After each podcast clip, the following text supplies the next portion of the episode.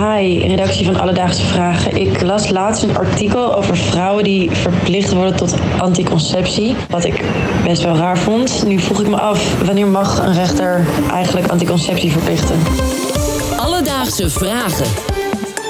NPO Radio 1. BNN Vara. Podcast. Met Merel Wielaert en Aaron de Jong. Dankjewel Zwaan uit Amsterdam voor je vraag. Het is vandaag de internationale dag voor anticonceptie. Dat heb ik meegekregen. Dat heb je wel meegekregen. Heb je hier wel eens van gehoord, het verplicht stellen van anticonceptie? Ja, ik heb er wel eens van gehoord. Maar ik moet eerlijk bekennen dat dit niet een onderwerp is waar ik, eh, nou om het zo maar te zeggen, geregeld mee bezig ben. Maar ik heb er wel eens over gehoord. Nou, wel goed om dus even ja, wat meer uit te diepen.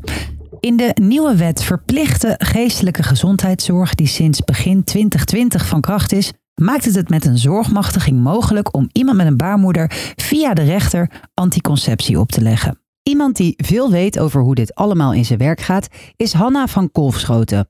Hanna is PhD-researcher op de Universiteit van Amsterdam en zij verdiept zich al een hele tijd in het onderwerp verplichte anticonceptie. Niet een rechter bepaalt welke medicatie je moet slikken, maar de psychiater. En die vraagt dan aan de rechter om een zorgmachtiging. En een rechter die kijkt dan of die zorgmachtiging redelijk is en proportioneel is.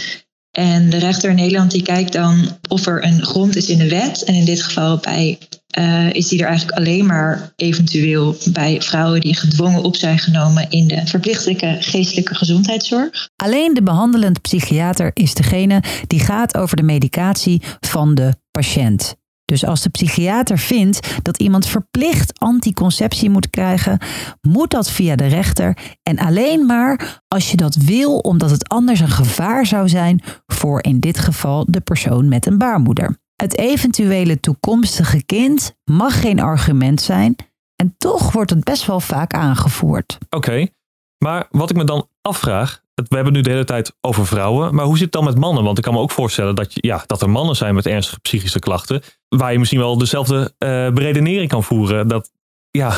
Nou, precies. En dat is ook waar het bij mij een beetje wringt. Je kan het alleen maar verplicht stellen, omdat iemand heeft besloten, deze persoon is echt een gevaar of, of gevaarlijk voor het lijf als deze persoon zwanger zou zijn. Maar het gaat wel weer over lijven van mensen met een baarmoeder. Altijd weer is er iets of iemand die voor ons kan besluiten in omstandigheden wat ermee gebeurt. Ook daar heb ik het even met Hanna over gehad.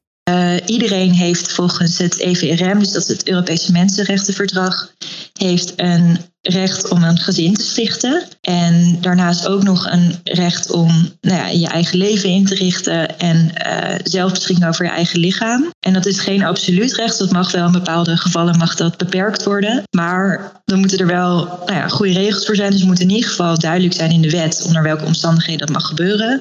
En het moet ook proportioneel zijn. En dat vraag ik me hier ook af of het wel proportioneel is dat we alleen die anticonceptie aan vrouwen opleggen. Omdat mannen natuurlijk ook een rol hebben in een eventuele zwangerschap. Alledaagse vragen. Anticonceptie dus. Verplicht, niet verplicht. Het gaat in ieder geval vaak over vrouwen. Uh, maar hoe zit het nou eigenlijk met die opties voor mannen? Een van die opties is een vasectomie. Vasectomie, heb je er wel eens van gehoord, Aaron? Ik heb er zeker wel eens van gehoord. Wat, wat, voor idee heb je daarbij? En dan uh, komt er uh, een knipje en dan wordt nou, de zaadleider doorgeknipt, toch? Niet heel veel spannends. Ik denk dat er een hoop mannen zijn die daar anders over denken. En dat ze daarom denken, laat die anticonceptie maar lekker aan die vrouwen over. Blijf van mijn ballen af. En daarom leek het mij een goed idee om uh, te bellen met iemand die goed kan vertellen hoe dat nou in zijn werk gaat. Rosa Timmer, zij is journaliste. En zij heeft zich de laatste maanden ontzettend verdiept in mannen die zich hebben laten steriliseren. En dat betekent dat ze ook is meegeweest naar zo'n uh, knip knip. Uh, wat er gebeurt. Een man die komt uh, zo'n behandelkamer binnen. En waar ik was, daar moet een man helemaal uit de kleren. Dat is niet overal zo. Uh, de shirt uit, broek uit, alles. En alleen de sokken houden ze aan. En dan gaan ze op een behandeltafel liggen. En dan krijgen ze een sneetje in het scrotum. Een sneetje van een centimeter ongeveer. En dan uh, gaat de dokter op zoek naar de zaadleider. Uh, die maakt hij dan los van een aantal zenuwen die daar dichtbij lopen. En dan uh, die zaadleider die knipt hij dan door. En dan bindt hij beide uiteindjes af. In ieder geval wordt de zaadleider uh, een doodlopende weg gemaakt. Touwtje eromheen aan beide kanten. En wat deze dokter deed, waar ik bij keek, is dat hij uh, dan het hele boltje weer terugstopt in het scrotum. En daar hoeft dan uh, geen hechting in. En dan heelt het vanzelf binnen 1 à 2 weken. Ik had nog wel één vraag.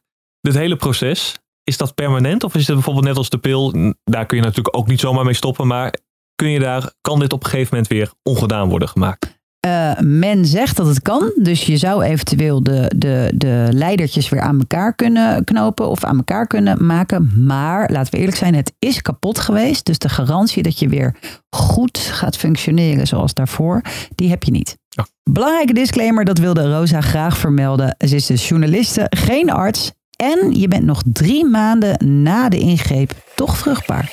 Oké. Dus zwaan.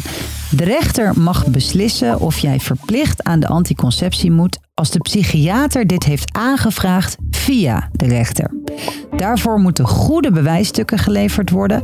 En tot nu toe maakt de wet dit alleen mogelijk als het niet wenselijk is voor de vrouw om zwanger te worden. Dus niet met het oog op het toekomstige kind. Heb jij nou ook een vraag? DM ons via Instagram, het Alledaagse Vragen. Of stuur een mailtje naar alledaagsevragen.radio1.nl Alledaagse Vragen. NPO Radio 1. BNN Vara. Podcast.